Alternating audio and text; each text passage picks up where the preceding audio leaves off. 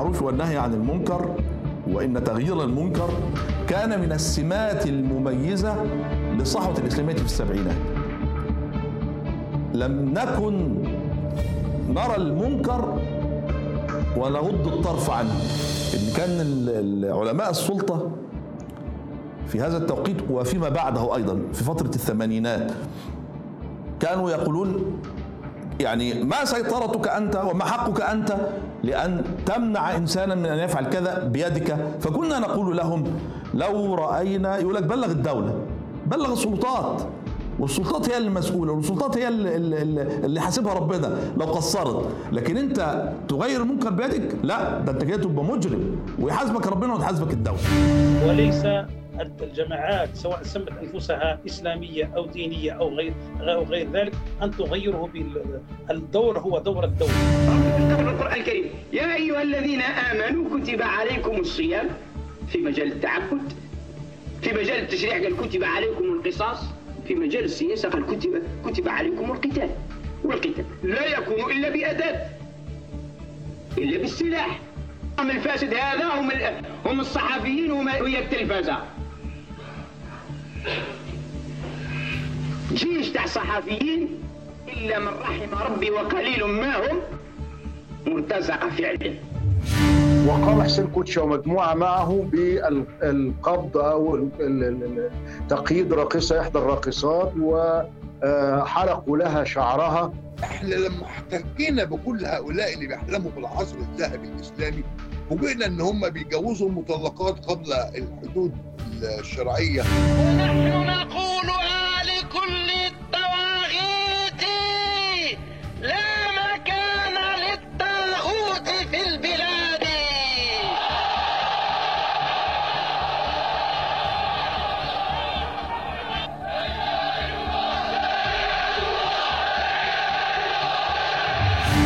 أنا في السابق كنت على باطل ومجرم في المجتمع. فكيف لي حين أتوب ألا أصبح على هذا النحو؟ في إنكار المنكر وفي التغيير باليد وإن كان على الواقع. فنحن نغير على هذا الأمير. والآن يصبح الذي يأمر بالمعروف وينهى عن المنكر عاصيا لولاة الأمور أو غير ذلك مما يريدون تنفير الناس عنه. ظل موضوع العودة إلى الإسلام بالنسبة للجماعات الإسلامية شعارا قادرا على التعبئة ولكن في إطار تربوي اجتماعي يعمل على قرض المجتمع من الداخل وفي العمق. والأداة الأبرز في ذلك فعل الأمر بالمعروف والنهي عن المنكر.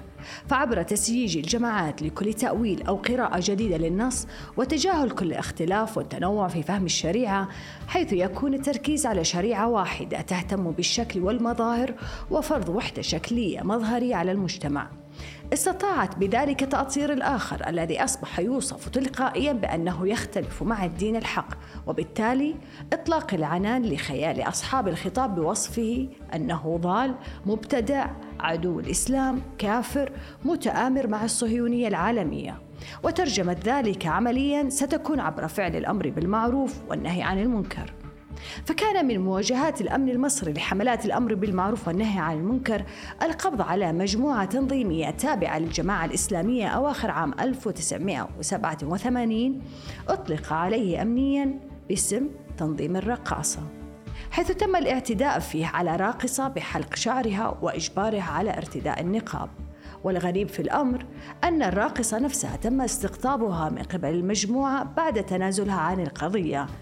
لتنفذ هي نفسها عمليات حرق لمحلات الكوافير وبعض محلات الخمور في مناطق القاهرة الكبرى. في هذه الأثناء ظهر استخدام الجماعات لمجموعة من البلطجية وأصحاب السوابق لتنفيذ مخططاتها. لما يعرف بتغيير المنكر باليد وهي ما عرفت في عين شمس بعائلة كوتشا وعائلة جابر بمنطقة إمبابة تصدت لها الأجهزة الأمنية في حينها. استخدمت الدولة ما عرف أثناء ذلك بحملات القوافل الدعوية الفكرية للرد على دعاة التطرف وخاصة فهمهم لحديث النبي عليه الصلاة والسلام من رأى منكم منكرا فليغيره بيده فإن لم يستطع فبلسانه فإن لم يستطع فبقلبه وذلك أضعف الإيمان. وشرح العلماء أن اليد للحاكم وأن وأن اللسان للعلماء والقلب لعامة الناس. فاعترضت قيادات من الجماعات الإسلامية ورفضت ذلك. ومن هنا خرجت المناظرة الشهيرة للجماعة مع مفتي الجمهورية الشيخ محمد سيد طنطاوي أواخر عام 87 وعقبها بيان العلماء ومؤتمر في جامع الأزهر تحدث فيه كل من الشيخ الشعراوي والشيخ محمد الغزالي والشيخ الطيب النجار.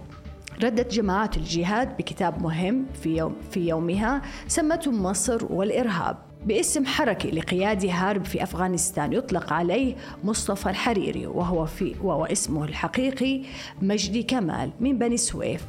صنف فيه العلماء إلى علماء شرطة وعلماء سلطة وعلماء حيض ونفاس. وأكد عدم جواز قبول فتواهم بعدم تغيير المنكر باليد.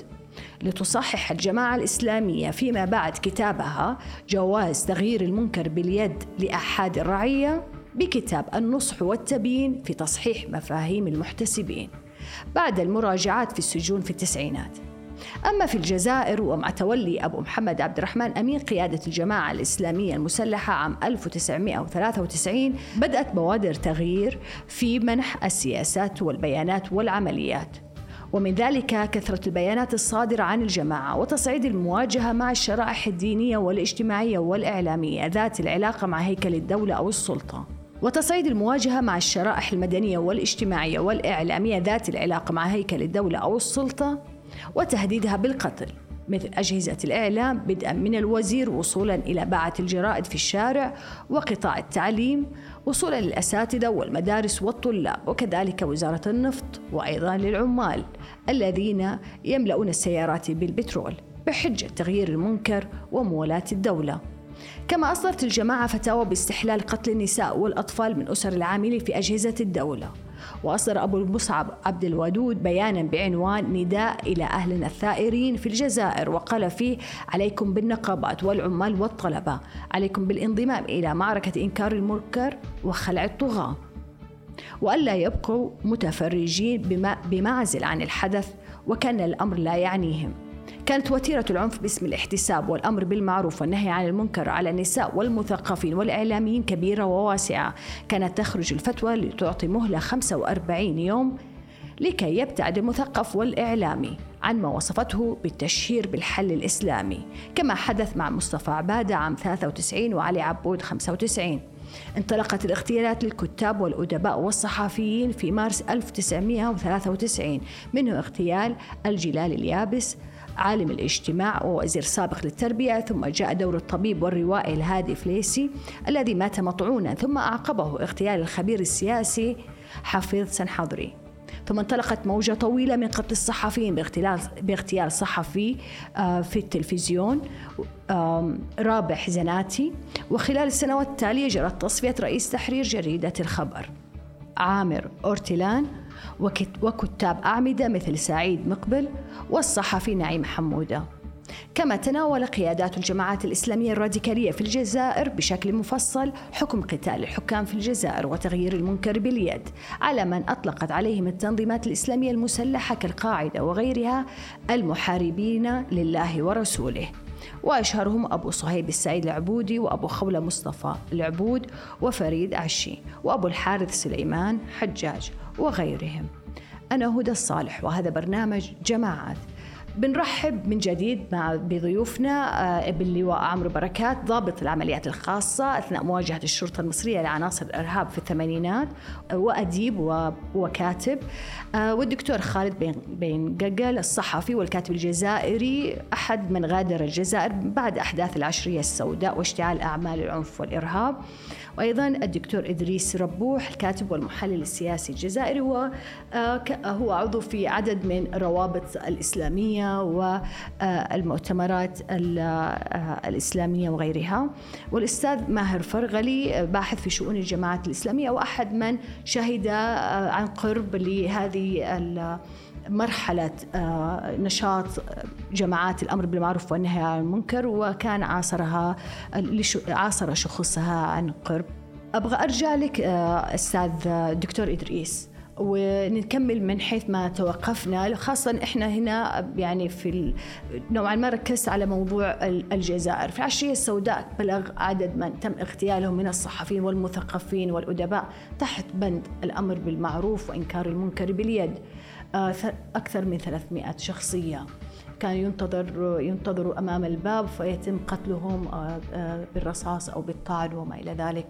آه، ودي تحكي لي لفكرة مبدأ الأمر بالمعروف والنهي عن المنكر، هل الجماعات الإسلامية استخدمته حاولت أن توظف هذا المبدأ تحت شعار النضال الثوري ولكن ببند ديني إسلامي أو بأيديولوجيا دينية هي الأمر بالمعروف وإنكار المنكر. أنا أعتقد العنف الذي حدث في الجزائر بعد 92 الذي جاء بعد توقيف المسار الانتخابي في الجزائر وصول الجبهة الإسلامية للإنقاذ على المرتبة الأولى في الدور الأول لانتخابات ديسمبر 26 ديسمبر 1991 ثم حركة 11 جون في 92 جاء يعني مشكل سياسي. يعني المشكل السياسي ولد ولد أزمة أمنية، هذه الأزمة الأمنية دفعت الجزائر ضريبتها كبيرة وعرفت بالعشرية السوداء. اذا سوداء. هذه هذا هذا العنف الذي وقع في الجزائر هو في الحقيقة انطلق في بدايته منطلق سياسي بمعنى أنه استخدم العنف ضدنا ونقصد هنا الجبهه الاسلاميه الانقاذ فلا بد من استرداد استرداد هذا الحق هذه الحقوق عن طريق العنف. وخرج جماعات كثيرة من عباءة الجبهه الاسلاميه للانقاذ حتى وإن لم تعلن بأنها تتبنى لكنها لكن الجبهه الإسلامية لم تدن صراحة هذه الجماعات التي اتخذت من العنف وسيلة لممارستها ثم ظهرت كثير من الجماعات في بداية 92 بعد اغتيال الرئيس الراحل محمد بوذيف رحمة الله عليه على المباشر ثم تطورت الأحداث في سنة 93 و94 بشكل دراماتيكي ثم توالت الأحداث الدموية بشكل كبير في الجزائر. أعتقد أن البداية كان انحراف سياسي وقع سوء تدبير للشأن السياسي ولد هذه الأزمة الامنيه في الجزائر.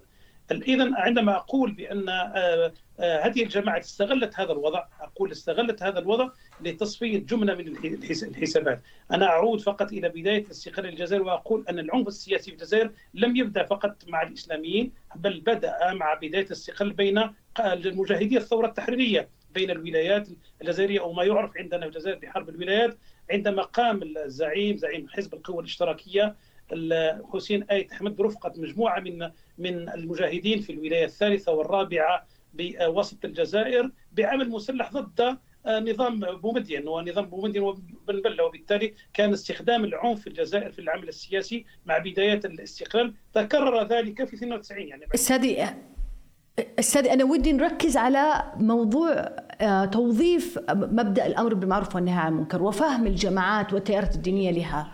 لا هي البداية لا. حتى لا يعني نحصر هذا المصطلح في كل مناسبة.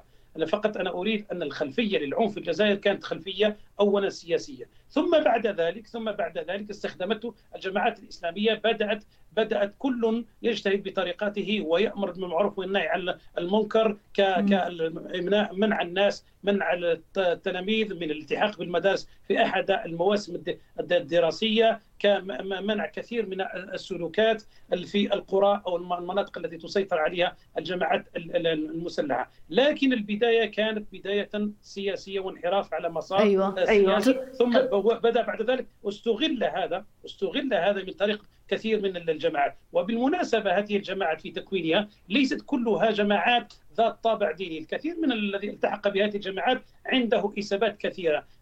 في فيه من له خصومة مع النظام منذ 62 فيه من له خصومة مع تاريخ الثورة الجزائرية أو ما يعرف عندنا الجزائر أو القومية ف كثير منهم دخل فيها في وجد هذه الفرصة وركب هذه الموجة، هذا لا يعني أن هذه الجماعه الاسلاميه الجماعه الإسلامية والجبهة الإسلامية للانقاذ تتحمل الجزء الأكبر في اندلاع هذه الأحداث، لماذا؟ لأنه عندما زار الرئيس اليمين زروال الجنرال اليمين زروال كان ذاك وزير الدفاع الوطني زار في سجن البليده العسكري قيادة الجبهة الإسلامية المنقاذة ممثلة في عباسي مدني رحمة الله عليه وعلي بالحاج وطلب منهم طلب مطلب واحد وهو إدانة إدانة العمليات الإرهابية لم يدينوا العمليات الإرهابية وبالتالي يتحملون المسؤولية الأخلاقية في في هذا الأمر لأن من هذه الجبهة خرجت كثير من الجماعات التي الجماعات التي كونت العنف السياسي في الجزائر وبالتالي يتحملون الكثير من الأعباء الأعباء أعباء المرحلة التي مرت بها الجزائر. في المقابل هناك جماعات إسلامية وحركات إسلامية كانت في الطرف المقابل في الطرف المقابل أنها رفضت وأدانت بل دفعت الثمن غائل غاليا وتمنيت أن تذكر من بين الأسماء الصحفي الحسن بن سعد الله الذي ينتمي للتيار الإسلامي وكان ضحية ضحية عنف هذه الجماعات الدكتور آه، آه، حنبلي من جامعة تيزوز وهي معقل التيار اليساري الجزائري وكان ضحية ضحية هذه العنف وبالتالي العنف ضرب جميع التيارات لم يكتفي بتيار سياسي واحد وإنما جميع التيارات التي تقف أمامه أقول التي تقف أمامه سواء كان هذا التيار إسلامي أو تيار يساري أو من من السلطة. العنف عندما بدأ وهذه الجماعات عندما بدأت استهدفت الجميع ولم تفرق. الأستاذ الصحفي آه، من جيجا قال كلمة عنده كان كنا كنا نختار من هي الوظيفة. كل الشرائح المجتمع السعودي بدأت بأفراد الجيش الوطني الشعبي وبمصالح الأمن وتطورت إلى كل شريحة المجتمع. كان هدف هذه المجموعات المسلحة هو إسكات الجميع. هو أن يقول الجميع نحن نحن لنا اليد العليا وبالتالي لابد من السيطرة على هذا الوضع. اذا كل التيارات دفعت الضريبة غالية من هذا العنف في الجزائر وليس الأمر فقط هو الامر بالمعروف والنهي عن المنكر وإنما هو فرض منهج سياسي منهج رؤية سياسية عن طريق استخدام وسائل عنيفة في اعتقادهم في اعتقادهم أنه استخدم عليهم العنف وبالتالي لابد من آه، آه، العنف. لكن أعتقد أن الضرر الذي تسببوا فيه الجزائر كانت ضررا كبيرا وجدوا الأرضية من كما قلت من الأدبيات التي جاءت من المشرق العربي من مصر وسوريا الذي تولد عن طريق الصراع أو الصدام الذي وقع في ستينيات القرن الماضي في مصر وقبله في الخمسينات. جاء كذلك من أفغانستان وتجربة الحرب الأفغانية والكثير الذين عادوا من أفغانستان كل هؤلاء ساهموا ساهموا في نشوء هذا العنف. وعندما عندما وصلنا إلى هذه المرحلة من التفلت السياسي وعندما من سوء التدبير السياسي وصلنا إلى أن كثير من الجماعات استخدمت هذه الذريعه الذريعة للسيطرة على المجتمع وكانت المأساة كما تعلمون. أستاذ لنخرج قليل عن الفترة المرحلة التاريخية. في دراسة أنا آه، من ضمن الدراسات لإحدى الطالبات ونتكلم هنا عن عن طالبة في دراسة ماجستير في جامعة الحاج الأخضر بالجزائر. عنوانها عوامل تراجع النهي عن المنكر وآليات تفعيله. آه، وهنا أبغى بس يعني أستشهد فيما ذكرته حول مراتب النهي عن المنكر. طبعا إحنا نعرف مثلا موضوع تحديد ما هو المنكر آه، وهل هو إزالة المنكر وإلغاءه أم النهي والنصح وأيضا ما هو المعروف. يعني هناك مباحث عديدة في هذا الإطار. لكن تتحدث عن الدرجات النهي عن المنكر. طبعا ضمن درجاتها الدرجة الثالثة النهي بالوضع النهي بالوعظ والنصح والتخويف. الدرجة الرابعة السب والتعنيف بالقول الخشن. وتكون هذه الدرجة بعد العجز عن درء المنكر آه، يعني آه، بخلاف للمرحلة الثالثة. إذا يعني أما الدرجة الخامسة درجة التغيير باليد وذلك ككسر الملاهي وإراقة الخمر. آه، والدرجة السادسة التهديد والتخويف بما يجوز التهديد به. آه، الدرجة السابعة مباشرة الضرب باليد والرجل وغير ذلك مما ليس فيه شهر سلاح. وهذا جائز آه، للأفراد بشرط الضرورة والاقتصار على قدر الحاجة في الدفع. فيعني إحنا بنتكلم يعني بعيدا عن ما تتحدثوا عنه آه، ضيوف الكرام على التوظيف اللي صار وحتما أي جماعة يعني بتستغل آه، وتحاول أن توظف حالات أو أمور قائمة في المجتمع. وتدخل فيها لكن بنتكلم إحنا عن تأطير لهذه الفكرة آه، التي كانت وقود لهذه الجماعات الإسلامية المسلحة الراديكالية بحيث أنها آه، تهيمن وتسيطر على المجتمع. وهناك أيضا من المفكرين والباحثين من يرى بأن من خلال مبدأ الأمر بالمعروف والنهي عن المنكر وهي طبعا تتمثل في الدعوة والوعظ التي تقوم فيها هذه الجماعات هي سلب الأفراد آه، وكسب رأس المال البشري بعد سلب من السلطة الدينية الرسمية وما إلى ذلك. فأبغاك أستاذ آه، إدريس دكتور إدريس تقول لي على تعقيبك على هذه مراحل النهي بأن إحنا نجدها يعني هناك مأسسة لهذا الموضوع التي تنتهي حتماً بعد ذلك إلى موضوع الاغتيالات والقتل والعنف المسلح. اولا آه، هذه درجات المنكر المشكلة ليس في تغيير المنكر أو درجاته والجانب النظري أو ليس هناك آه، يعني مجال للخلاف في هذا الموضوع لكن المشكلة في من يمارس هذا هذه الأدوار. الشيء الذي مرفوض والذي رفض يعني على المستوى النظري وعلى المستوى الواقعي بأن لا يمكن لجماعات أو مجموعات أن تمارسه.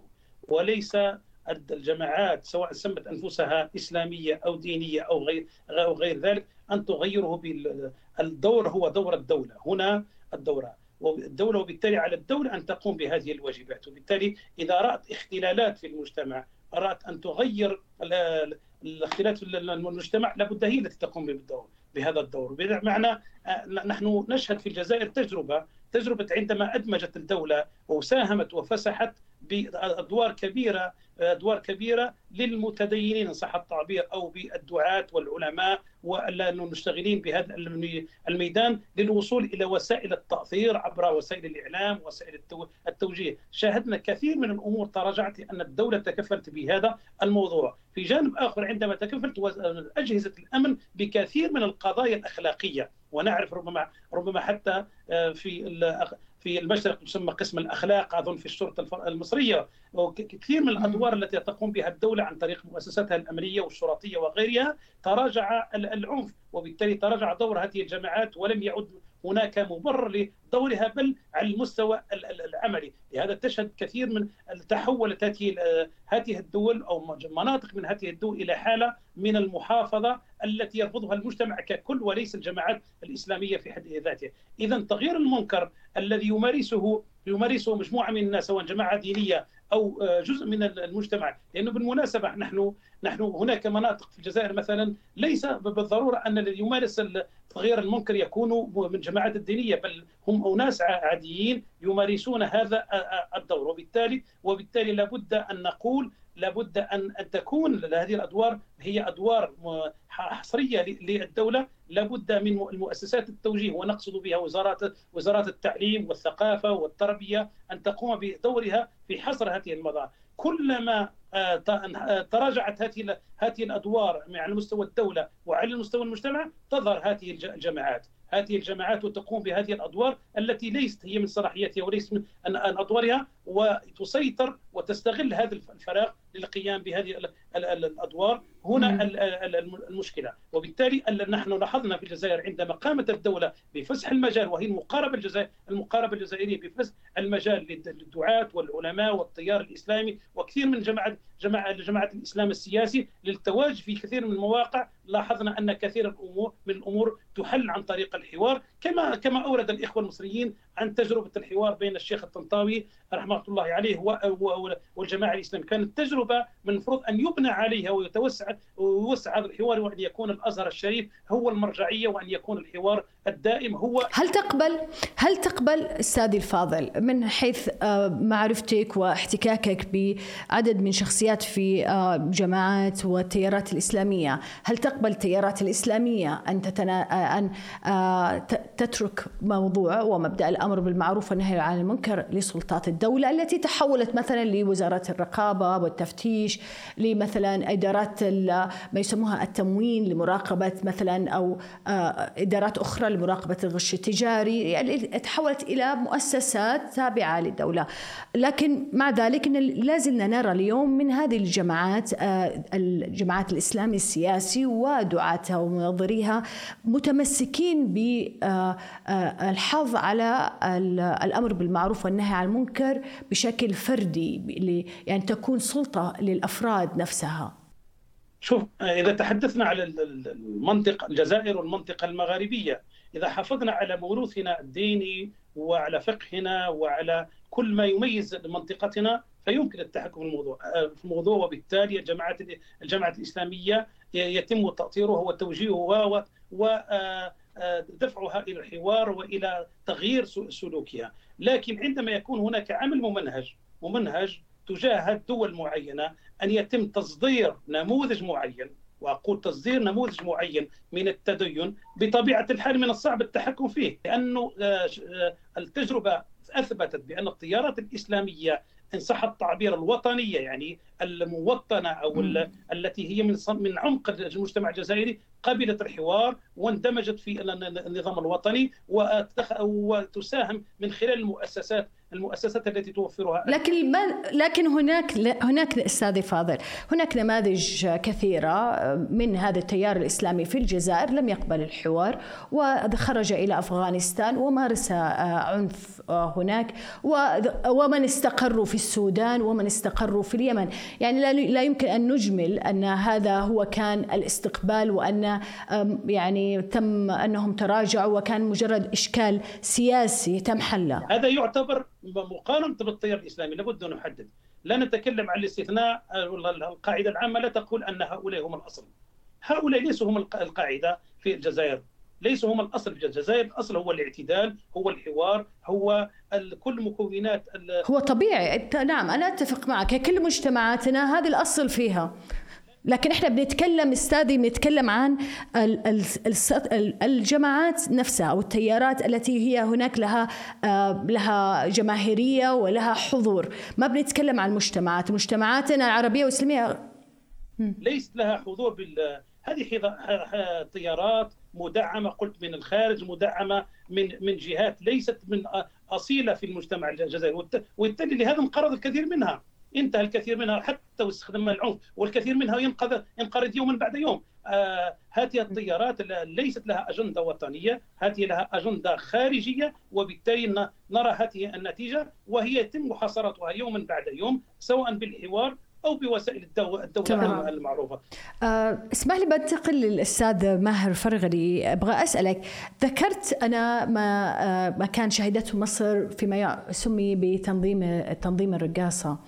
واللي تم يعني كان بعض المحتسبين دخ يعني هاجموها ويعني قصوا شعرها. فودي تحكي لي عن الشباب اللي دخلوا في هذا يعني من نفذوا هذا أمر الحسبة وإنكار المنكر باليد إذا عندك فكرة أو تابعت هالموضوع في ذلك الوقت.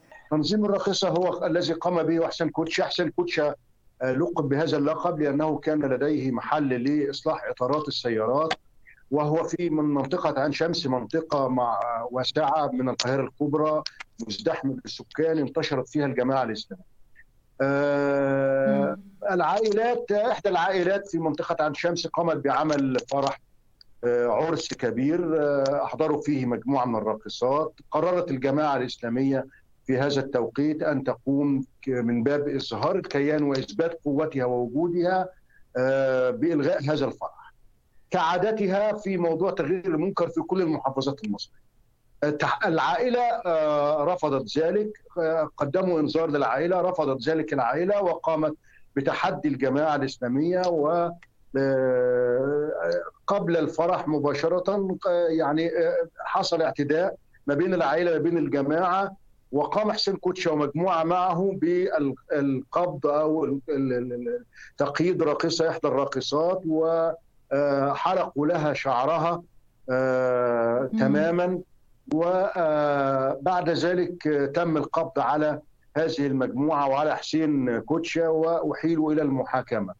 في المحاكمة الفتاة التي أو الراقصة التي حلق لها شعرها آه يعني زوجوها الجماعة زوجتها من أحد القيادات في منطقة عين شمس.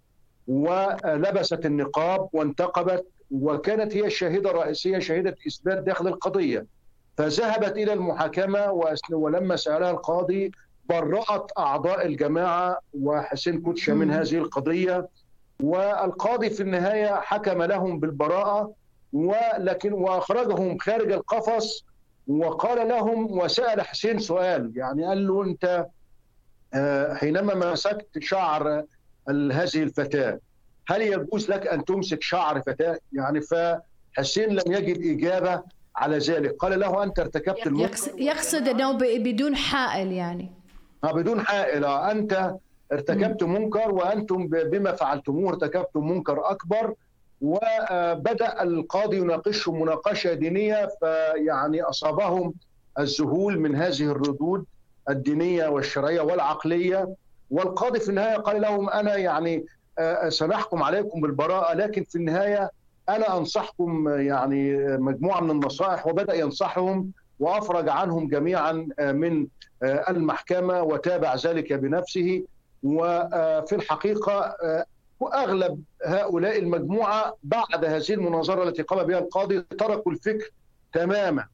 وهذه الفتاة التي تزوجت أحد القيادات وكانت راقصة هي من ارتكبت فيما بعد حادثين إرهابيين. كان أحد منهما هو حرق لمحل فيديو حيث خلعت النقاب ولبست بنطلون جينز وقميص وخرجت بشعرها حتى لا لا لا, تعرفها الجهات الأمنية. وسكبت بنزين في أحد محلات الفيديو وحرقت محل الفيديو وحرقت محل آخر واتهمت في إحدى القضايا فيما بعد وهي لا تزال حتى الآن منتقبة ومتزوجة أحد القيادات. هذه قصة هذا التنظيم ببساطة شديدة.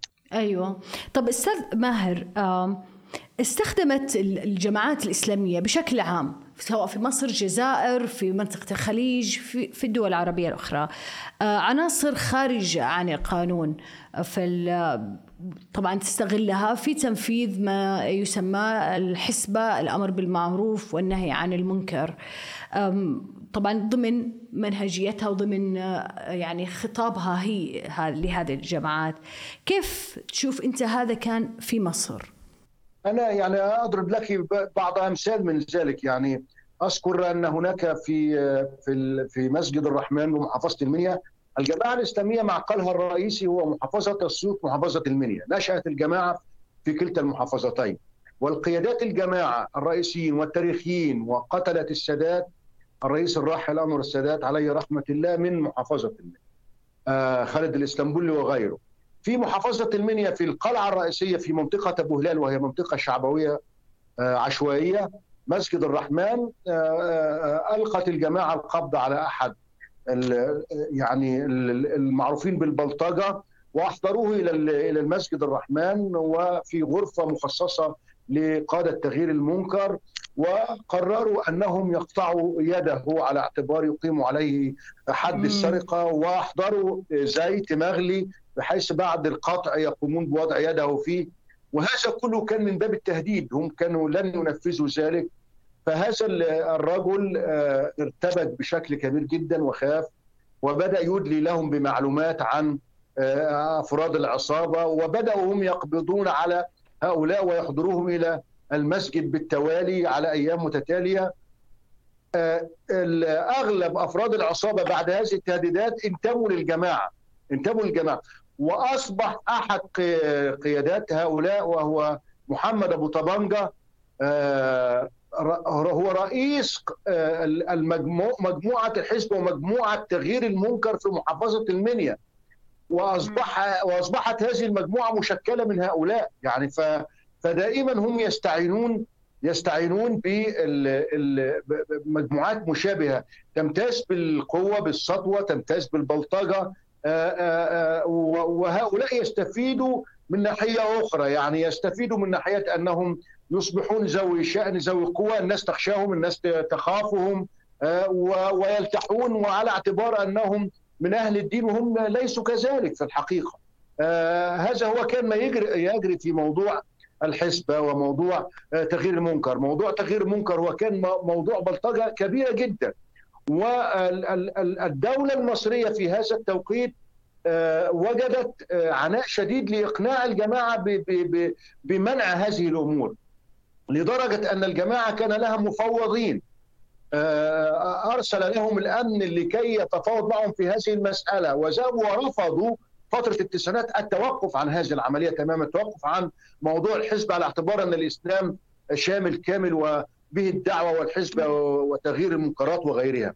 في النهاية ال- ال- الدولة أرسلت الشيخ طنطاوي وأرسلت العلماء الأزهر لل- للحوار معهم فكريا. آه، آه، في في في في مدينة أسيوط في مسجد الرحمة اذكر وهذه الندوة كانت م- مصورة صوتا وصورة. الشيخ طنطاوي قال لهم يا أولادي يا أولادي آه، هذا منديل من الحرير. هذا منديل من الحرير. هذا في في بعض مسائل الفقه أنه أنه منكر.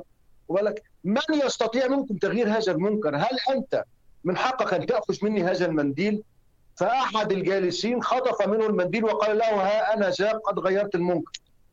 فالشيخ طنطاوي غضب غضبا شديدا ووقف وزير الأوقاف وأمسك بالميكروفون وقال الدولة هي الدولة والدولة هي التي تقوم بتغيير المنكر وهكذا. واثيرت ضوضاء كبيرة جدا المحافظ اضطر في النهاية أن يمسك الميكروفون ويلغي الندوة وفشلت كل ندوات مناقشة الجماعة الإسلامية في هذه المسألة فشلت تماما. وفي النهاية تطورت الأمور إلى أن تحولت مجموعات تغيير المنكر إلى مجموعات الجناح العسكري الذي حمل السلاح وقتل سبعة من أقباط مصر في مدينة بيروت ومن بعدها اندلعت أحداث العنف في صعيد مصر في فترة التسعينات وطال عدد كبير جدا من رجال آه، الشرطة و- و- والأهالي الآمنين و- و- و- ووقع قتل كثيرين جدا. وفي النهاية الجماعة الإسلامية انتهت في السجون إلى المراجعات التي قامت بها على يد اللواء عليه رحمة الله اللواء أحمد آه، رأفت الذي أشرف على هذه المراجعات بنفسه وقاموا بعمل كتاب النصح والتبيين لمراجعة مسألة الحزبة ومسألة تغيير المنكر وأنه لا يجوز لأحد الرعية أن يقوم بذلك، أن أحد الرعية آه، يغير المنكر في حدوده لكن في حدود الدولة، الدولة هي التي تقوم بتطبيق القانون وبتغيير المنكر بنفسها. وراجعوا مع الأفراد هذه المسألة لتو- لتوقيف هذه المسألة آه، تماما، والجماعه الاسلاميه على العموم هي آه، عمليا على الأرض ان- انتهت عمليا غير موجودة على الأرض تماما فقدت قدرتها على حشد الجماهير أو على وجود كوادر قيادية جديدة وفي انقطاع جيلي كبير فيها وغير موجودة عمليا على الأرض ولا ولا تقم بمثل هذه العمليات مطلقا ولا توجد مطلقا مثل هذه العمليات في مصر الآن مطلقا. أيوه. طب سعادة اللواء أبغى أسألك من وحي كلام الأستاذ ماهر. حضرتك من خلال آه، ممارستك للعمل الأمني ما مدى استغلال وتوظيف هذه الجماعات للشباب اللي يسموهم عندكم باللهجة الدارجه البلطجية في داخل الجماعات ال- الراديكالية المسلحة؟ هو ما كانش توظيف حضرتك هو الأستاذ ماهر بس عمل شيفت شوية ترحيل لحوادث عين شمس أحداث عين شمس خلاها في التسعينات هي في الثمانينات واستشهد فيها دفعتي الرائد النقيب أحمد زكريا عليه رحمة الله في منطقة عين شمس ودي كان أيام اللواء زكي بدر. يعني هو الأستاذ ماهر بيميل إلى النهايات الدراماتيكية الأسطورية. يعني حول الرقاصة إلى إن هي ضحية واتحلق شعرها وبعدين بقت منتقبة وبعدين بقت فدائية إرهابية جهادية وبعدين شهدت في المحكمة ودخلت في حوار ديني مع القاضي. وبعدين بعد كده لما تموت هتبنى لها مقام وتبقى لها مزار. الكلام ده ما حصلش بهذه الصورة يعني. الصورة دي كيف؟ صورة سيناريو درامي ينفع للمال والبنون ينفع لأي مسلسل تلفزيوني. لكن هو إحنا كنا بنواجه مجرمين. اللي ينتمي إليهم يبقى بلطجي. هم يستقطبوا حد يبقى بلطجي. لكن أنا اللي عايز أعلق عليه أعمل مداخلة فقط. نرجع لورا أيوة. أنا مستمعت للدكتور إدريس والدكتور خالد والأستاذ ماهر. وأنا كمتلقي لو أنا مانيش محاور الآن هأجد إن في مفارقة من التناقضات أسهم فيها عرضها الضيوف هذه. التناقضات أن الجماعات الإسلامي السياسي اللي بتعتمد على الطبقة الشعبية كقاعدة لها أولى ضحاياهم الطبقة الشعبية. ده اللي إحنا عايزين نكشف القناع عنه. إن هم وبعدين هم ال- الأستاذ الدكتور خالد والأستاذ إدريس بيتكلموا عن طبقات جهادية أو طبقات إسلامية سياسية راقية في الجامعة زي الأستاذ ماهر لما بيقول في الجامعة. لكن أنا لما جيت تعاملت معاهم تعاملت مع ناس دون خط الفقر ودون مستوى ال- الكفاف يعني الأب والأم بيدفنوا جثمان ابنهم اللي اتقتل في موقعة استشهادية وأنا اللي شلت الكوريك والفاس وحفرت اللحد هو كان إرهابي أنت تقصد؟ كان إرهابي لكن الناس كانوا دون يعني الناس مش لاقيين ياكلوا. يعني اللي كانت أول حادثة إرهابية في التسعينات في 92 الاعتداء على السياحة. فأنا عايز أقول على حاجة إن الإرهاب في مصر ما هوش منطلق مصر لم تصدر إرهاب. إحنا مصر قعدت فترة بتتعامل مع ناس بتنتمي لأي قوة سياسية في المجتمع. يعني بتعتمد على تيار ديني وتنضم لأي تيار. قوة سياسية في المجتمع يطلع زي ما يطلع. يطلع شيوعي طلع يطلع راسمالي طلع يطلع توظيف أموال يطلع. وفي النهاية بيتبرمج كل ده في النهاية بيتصاعد إلى إن هو عمليات إرهابية واعتداء على مردود تنمية الوطن. يعني إما اعتداء على السياحة إما فتنة طائفية زي ما قال الأستاذ ماهر في أحداث أسيوط. لحد الآن مثلا يعني إبراهيم عيسى لحد دلوقتي طالع بيشرح من 2000 سنة بيعيد تفسير عظة الجبل موعظه الجبل. علشان يعمل كمين يقوم يقع فيه الدكتور مبروك عطية يقوم يقارنه بين القرآن والإنجيل وتقوم فتنة طائفية. يعني لو مصروف ملايين على مثل هذا الحدث الإرهابي اللي طالع في الميديا مش هيتم بهذا الإحكام. يعني إحنا دايما بنبقى ضحايا لأن إحنا بنتعامل إما مع مثقفين راقيين متآمرين أو مع طبقة دون المستوى بيحكمها الفقر.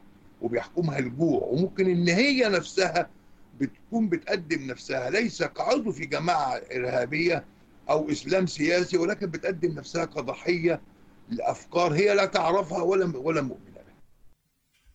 طب السات اللواء من وجهة نظرك حضرتك تحدثت طبعا آه، تطرقت لموضوع اغتيال السياح الأجانب أيضا هذا كانت من أعمال آه، اللي وصفتها الجماعات ال- ال- ال- الراديكالية المسلحة بأنها ضمن أعمال الحسبة وإنكار المنكر.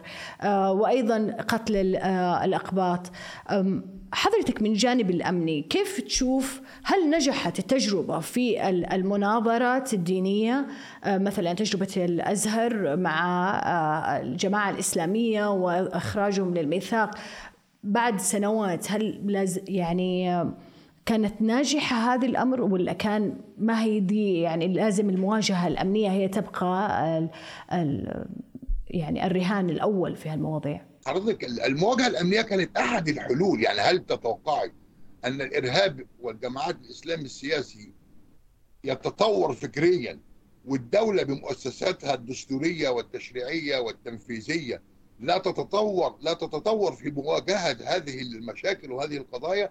وزارة الداخلية تطورت في الفترة الأخيرة تطورات كثيرة على مستوى الحوار على مستوى الوعي في. يعني ما عادش عندنا إدارة سجون وزارة الداخلية بقت إدارة السجون بقت خدمة مجتمعية بقى في إدارة حقوق إنسان بقى في إدارة رعاية اجتماعية خاصة بال- بالأسر اللي بتنفذ عليهم عقوبات بقى في شرطة نسائية جانب إيجابي ما كانش موجود ده في فترة التسعينات اللي بيتكلم عليها الأستاذ ماهر أو إن إحنا يعني هناك مواكبة على سبيل أحد عناصرها المواجهة الأمنية أو لكن الأمن برضه ليس كل شيء. إحنا عندنا وزارة أوقاف عندنا أزهر عندنا رجال دين عندنا خطب دينية موجهة عندنا إعلام موجه. لكن إحنا اللي نخشى كل ما نخشاه هو أنا اللي دفعني إن أنا أطلع ليه وأنا رجل شرطة متقاعد هو إن أنا اضيء جوانب تنويرية للمتلقي إن هو ما يجعلش نفسه عرضة إن هو للتشكيك دايما في في دور الدولة. ولأن هناك ناس هتيجي بتحلم بعصر ذهبي.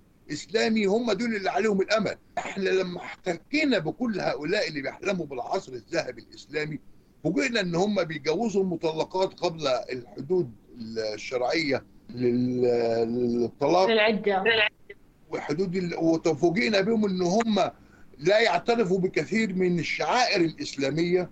فوجئنا بهم إن هم بيهدموا المقابر الأولياء وبيهدموا الشعائر الدينية وممارسة الطقوس بيمتنعوا عن مش بيمتنعوا بس عن الأفراح بيمتنعوا كمان عن إقامة الطقوس الدينية اللي بتقرب من طبقات الشعب. يعني هو الدين في مشاعره وقت إحنا إحنا الإسلام ليس مثل المسيحية عبادة تعتمد على على على الطقس التعبدي فقط وإنما إحنا الإسلام كمسلمين في مصر لنا خصوصية إن الدين عندنا هو هويتنا الوطنية.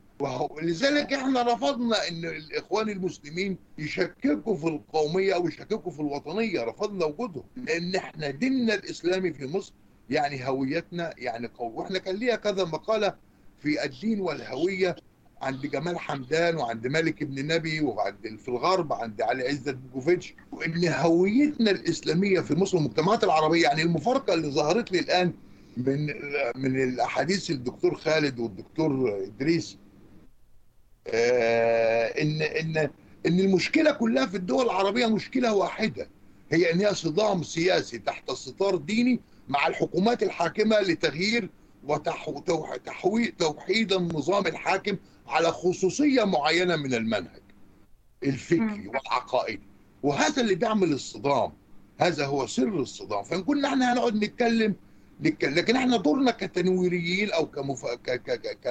بنظر في وسائل الإعلام إن إحنا نضع النقط فوق الحروف لكن اللي حدث الآن إن الحروف بتبعثر أو النقاط بتبعثر وبعد كده بندور على الحروف نركبها على النقط النقط. سعادة اللواء آه، قبل ما أنتقل للأستاذ خالد بن جيجا آه، أبغى أسألك أنا كنت آه، يعني في أحد الشخصيات آه، واللي كان ضمن تنظيمات الأمر بالمعروف والنهي عن المنكر آه، كنت تواصلت معه. كان هو من كلف باغتيال فرج الكاتب والأديب المصري فرج فودة آه، يعني في ذلك الوقت.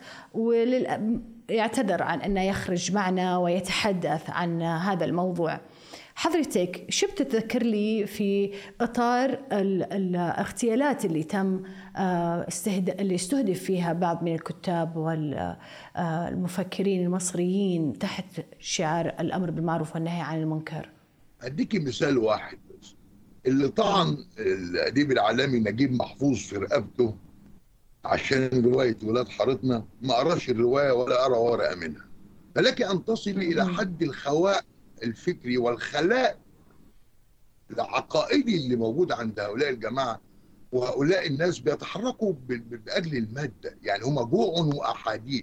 ناس بتتكلم كتير ولا تملك منهج فكري يعني إحنا في الإسلام في أوج مجده في عصره الذهبي أيام غرناطه وبغداد والقاهرة ودمشق وتونس والجزائر وكل هذه المنابر الإسلامية المزدهرة كانت معتمدة ليست على المدارس الكلامية ولكن كانت معتمدة على ازدواج الفكر الإسلامي مع ابن رشد وابن سينا. المعلم الأول للغرب الكتب اللي في الغرب كلها أخذوا مناهلها من الترجمات العربية اللي موجودة عندنا. طب هل هل التقيت باللي آه، اللي حاول يغ- يغتال الكاتب نجيب محفوظ؟ أو هل كان من خلال عملك الأمني سبق التقيت بأحد هذه الشخصيات؟ التقيت بنماذج برضو قتلت مش حاولت. يعني أنا أي. التقيت بنماذج قتلت ولما جيت بتكلم معاهم في مأمورية ترحيل أو في مأمورية حاجة عشان أصبر غور هذا الفكر وجدت خواء ولم أجد شيء بيحركه غير أكتر من كراهية وتلاعب بالعقول وغسيل مخ. يعني هو غ... برنامج غسيل مخ محكم بيمارس على عقول الطبقة البرجوازية. يمكن الطبقة البرجوازية اللي اتغسل مخها في الجزائر مرتفعة شوية عن الطبقة المتوسطة اللي اتغسل مخها في مصر يعني لما بتاع الكاوتش لما يتغسل مخه. ويبقى زعيم ويبقى راجل بيأمر بالمعروف وينهى عن المنكر يبقى لك حضرتك أن تتخيلي حجم الفكر اللي بيحرك مثل هذه. العقول وفي نفس الوقت ما هو الدور الأمني اللي ملقى على مواجهة هذا الفكر اللي بيتحرك يبقى هو أصلا ما عندوش ضابط للتحكم في انفعالاته هو كان بيشوف ضابط بيشوف أي حد بيقوم ضربه بالطلقة بتيجي في دماغه وبيعتبر نفسه إن هو بقى.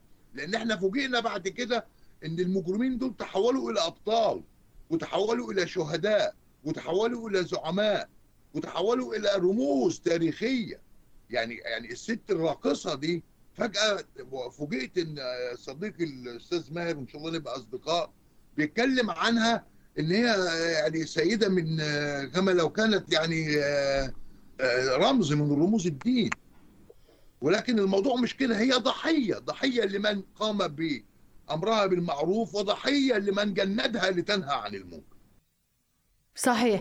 أبغى قبل ما أنتقل لك أستاذ خالد. عشان نختم معك. أي أبغى أسمع. بإيجاز أستاذ ماهر تفضل.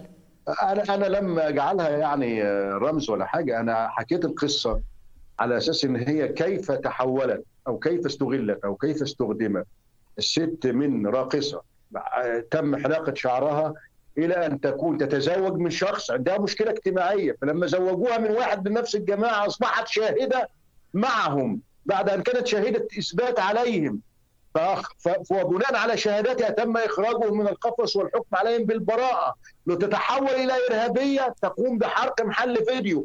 هذه هي القصة الدرامية في المسألة. هي هي ليست بطلة. هي هي هي تحولات فارقة بسبب ظروف معينة. أنا لما اجعلها بطلة هذا هو- هذا هو ما يحدث. من الشخصيات التي مارست الحزبه ومارست الست اللي هو بيتهمني إن أنا جعلتها بطلة. أنا ما جعلتهاش بطلة ولا حاجة. لا أنتم يعني الحرف أنتم أنا هقول لك بقى حاجة خطيرة جدا على الحلقة. وما كنتش عاوز أقولها. بس أنت دفعتني ذلك. الشرطة المصرية في فترة الثمانينات وفي فتره التسعينات كانت كانت ترسل القضايا أو ترسل مشكلات المجتمع إلى الجماعة الإسلامية لتحلها. لما يجي في مشكلة مستعصية على الشرطة يقول له إحنا مش هنحلها لأن دي تقاضي درجات تقاضي كتيرة. روح لبتوع الجماعة يحلها لكم. فالجماعة تتدخل في حل المواريث وفي حل مشاكل الناس وفي غيره ولما وجدوا أن الجماعة أصبحت لها سطوة ولها وضع داخل المجتمع بسبب هذه المسائل بدأ يحدث الصدام هذا هو السبب. يعني. هذا هو السبب. وانت تعلم ذلك جيدا. وأنت تعلم ان ان ان أن الجماعه الاسلاميه أخذت فرصة غير مسبوقة باتفاق مع الأمن. وأن هناك كان رجال من الجماعة الاسلاميه تفاوضون. مع الأجهزة الأمنية. لا أنا ما أعرفش دول والله. لما تعرف تعرفوا بدل أسمائهم ونجيبهم نستضيفهم لا موجودين. كله موجود. هات ناجح إبراهيم اسمع إحنا إحنا خرج خرجنا عن إحنا خرجنا عن الإطار. إحنا خرجنا خلينا خلينا في نبتعد عن اي حساسيات في في أطر معينة وقديمة خاصة وإن إحنا غادرناها. آه، دكتور آه، خالد حضرتك كتبت في كتابك بأن يعني صورت مشهد لما وصلت الجماعة الإسلامية جبهة الإنقاذ الإسلامية للجزائر وذكرت أن لما كيف أن خرجت التظاهرات والرداء الزي الأفغاني و آه، يعني شخصيات بلحى طويلة وبدأت تخرج للشارع وبشعاراتها الإسلامية. ودي تت- تتحدث لي حضرتك كصحفي من يعني ما شهدت من محاولات لتهديد زملائك كإعلاميين وصحفيين يعني رأت فيهم الجماعة الإسلامية بأنهم يشهروا بمشروعها الإسلامي أو مبدأها بتطبيق الشريعة؟ نعم هم هم هي في البداية بدأت هكذا بدأت ضد بعض عناصر النخبة. ثم كما قلت انفا عممت المسألة. ال- ال- على ما أذكر أنه آه، آه، صدمة الوعي لدى كثير من الجزائريين أدت إلى نوع من الكوارث. أنا أذكر أنه آه، قابلت أحد عناصر الجماعات الإرهابية ذات مرة فسألته يعني أنتم لماذا آه، تقتلون الناس؟ فكان جوابه آه، كيف ونحن كنا آه، يعني هو كان مجرم سابق يعني. كان مجرم سابق أو حرامي ولا أدري. قال لي أنا في السابق كنت على باطل ومجرم في المجتمع. و... فكيف لي حين اتوب الا أصبح على هذا النحو؟ آه، أذكر أذكر يعني أحداث. أذكر مرة أنه فيه آه، وأنا رئيس تحرير جريدة الشروق العربي في شاب جاءنا ذات يوم فجهاز الأمن في الجريدة منعه الدخول فقلت له اتركوه يدخل. فدخل عندي واغلقت الباب مناقشه. قال لي يا أخي أنت أنت حاورت بعض الناس من التيار الإسلامي سابقا وقالوا اننا نحن شعب طيب آه نحن شباب يعني شباب إسلامي ككل في العالم العربي يعني. أننا نتحمل مسؤوليات عظمى للأمة بدليل أن الآخرين يتزوجوا وينشغلوا بأمورهم ال- ال- الحياتية ونحن ننشغل بقضايا الأمة. فكيف بعد أن تبث هذا النوع من الحوار كتابة؟ تأتي الآن لتكتب ضدنا وتقول أنه هذا خارج القانون. فحاولت ان افهمه طبعا بشكل أو بآخر لا أدري إن كان اقتنع مني لدي بالفكرة أم لم يقتنع. يعني أقصد في نهاية المطاف أن هناك فكر يسود كان يعمم.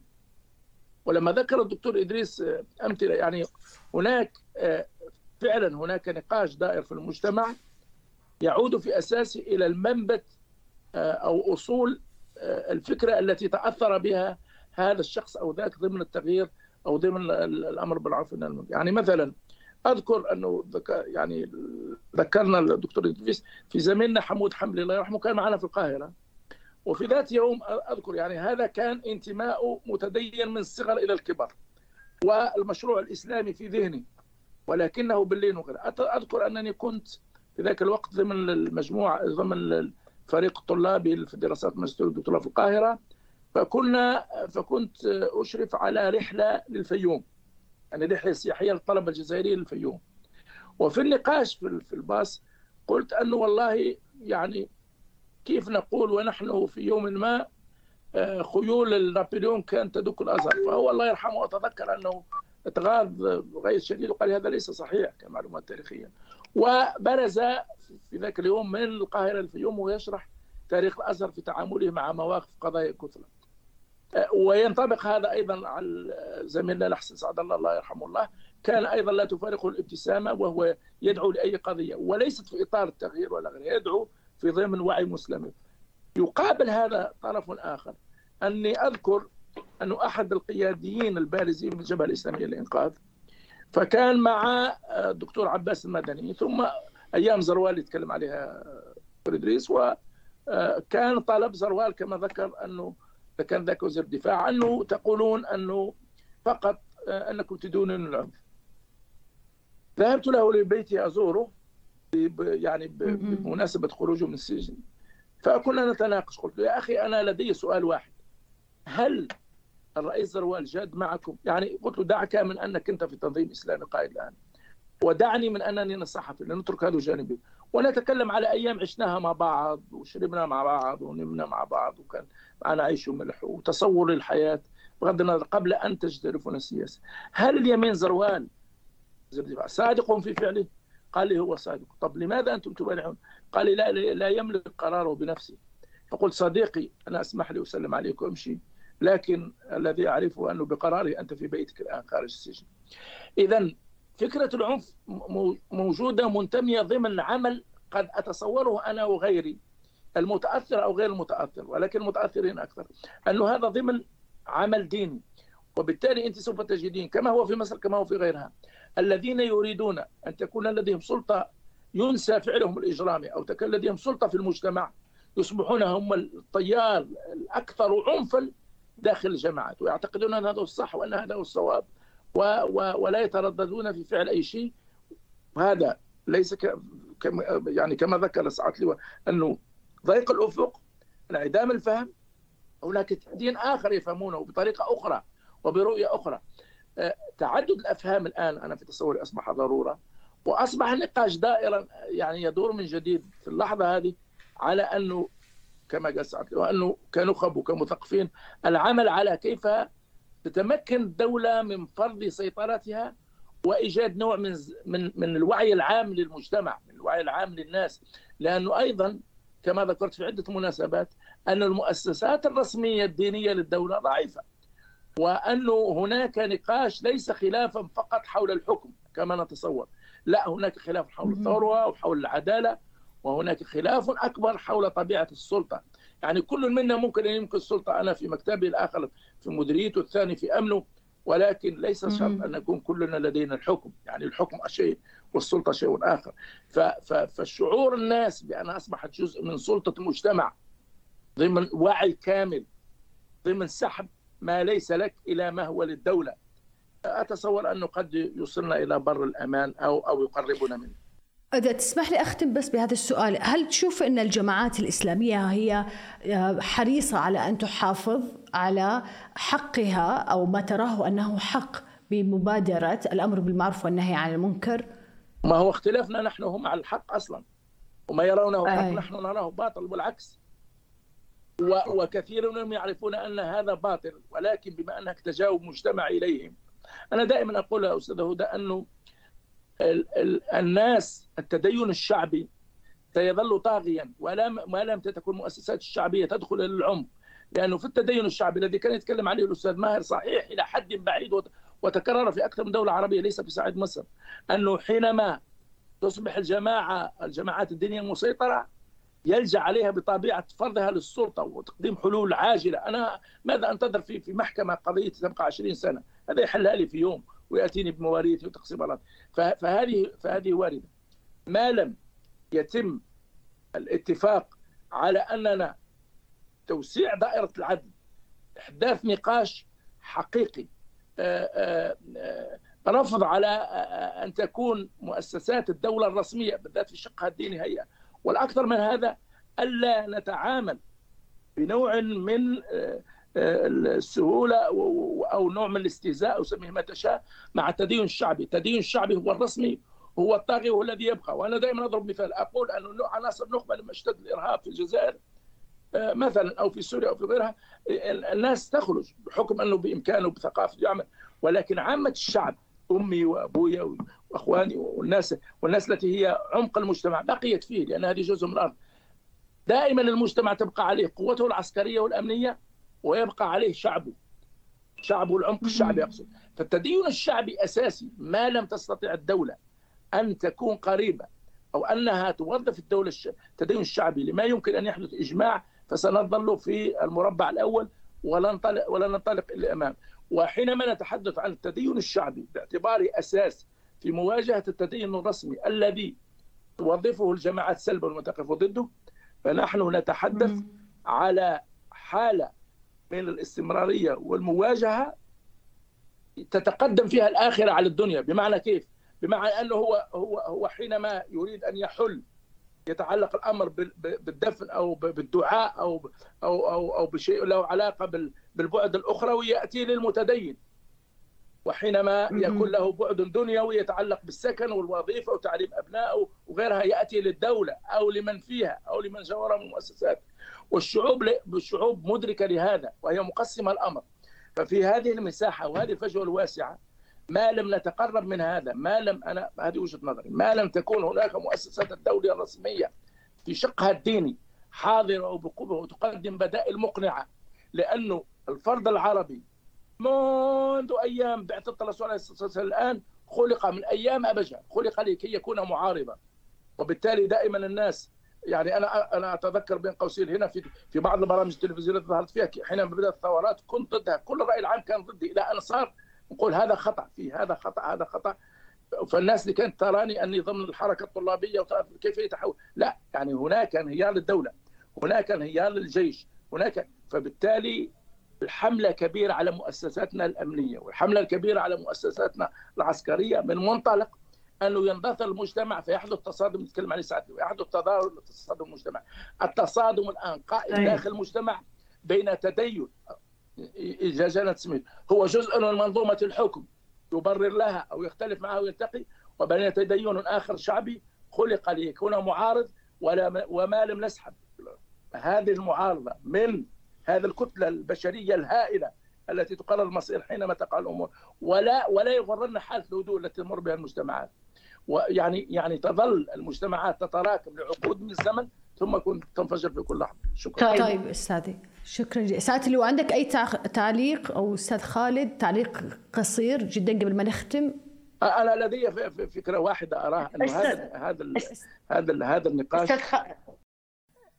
أستاذ معلش عشان أبغى أسمع من الساعة اللي واذا عنده تعليق على كلامك وأيضا الأستاذ ادري دكتور إدريس إذا في أي تعليق من قبلهم؟ التعليق الامر ببساطة شديدة ان المشكلة واحدة زي ما قال الدكتور خالد دكتور إدريس اللي هو الصدام اللي مع يعني هل يعقل إن جمهورية مصر بعظمتها أو بمؤسساتها الدينية هتيجي واحد بتاع كاوتش هو اللي هيأمر بالمعروف وينهى عن المنكر؟ وهتقبله الجماهير زي ما الدكتور خالد بيتكلم عن الدين الشعبي. الدين الشعبي هو رضاء نفسي وحالة من الرضاء الموضوع مش إن إحنا مغيبين عن معرفة المعروف ولا معرفة المنكر. هو المشكلة إن إحنا بنسير من أجل تحقيق رغبة سياسية في هذا الاتجاه. فالهدف كله إن إحنا نتوقف عن هذا التسيير ونتوقف عن الانسداد التاريخي لهذه العلاقة بين الدين والدولة. هو إذا تسمح مهم جدا رأيك أسمع ساعة اللواء لما قال أن التدين الشعبي هو في هو يجسد معارضة، هل تتفق مع هذه؟ طبعا. لأن ده كان في كان في سنة 87 مؤتمر الدين العربي في مصر.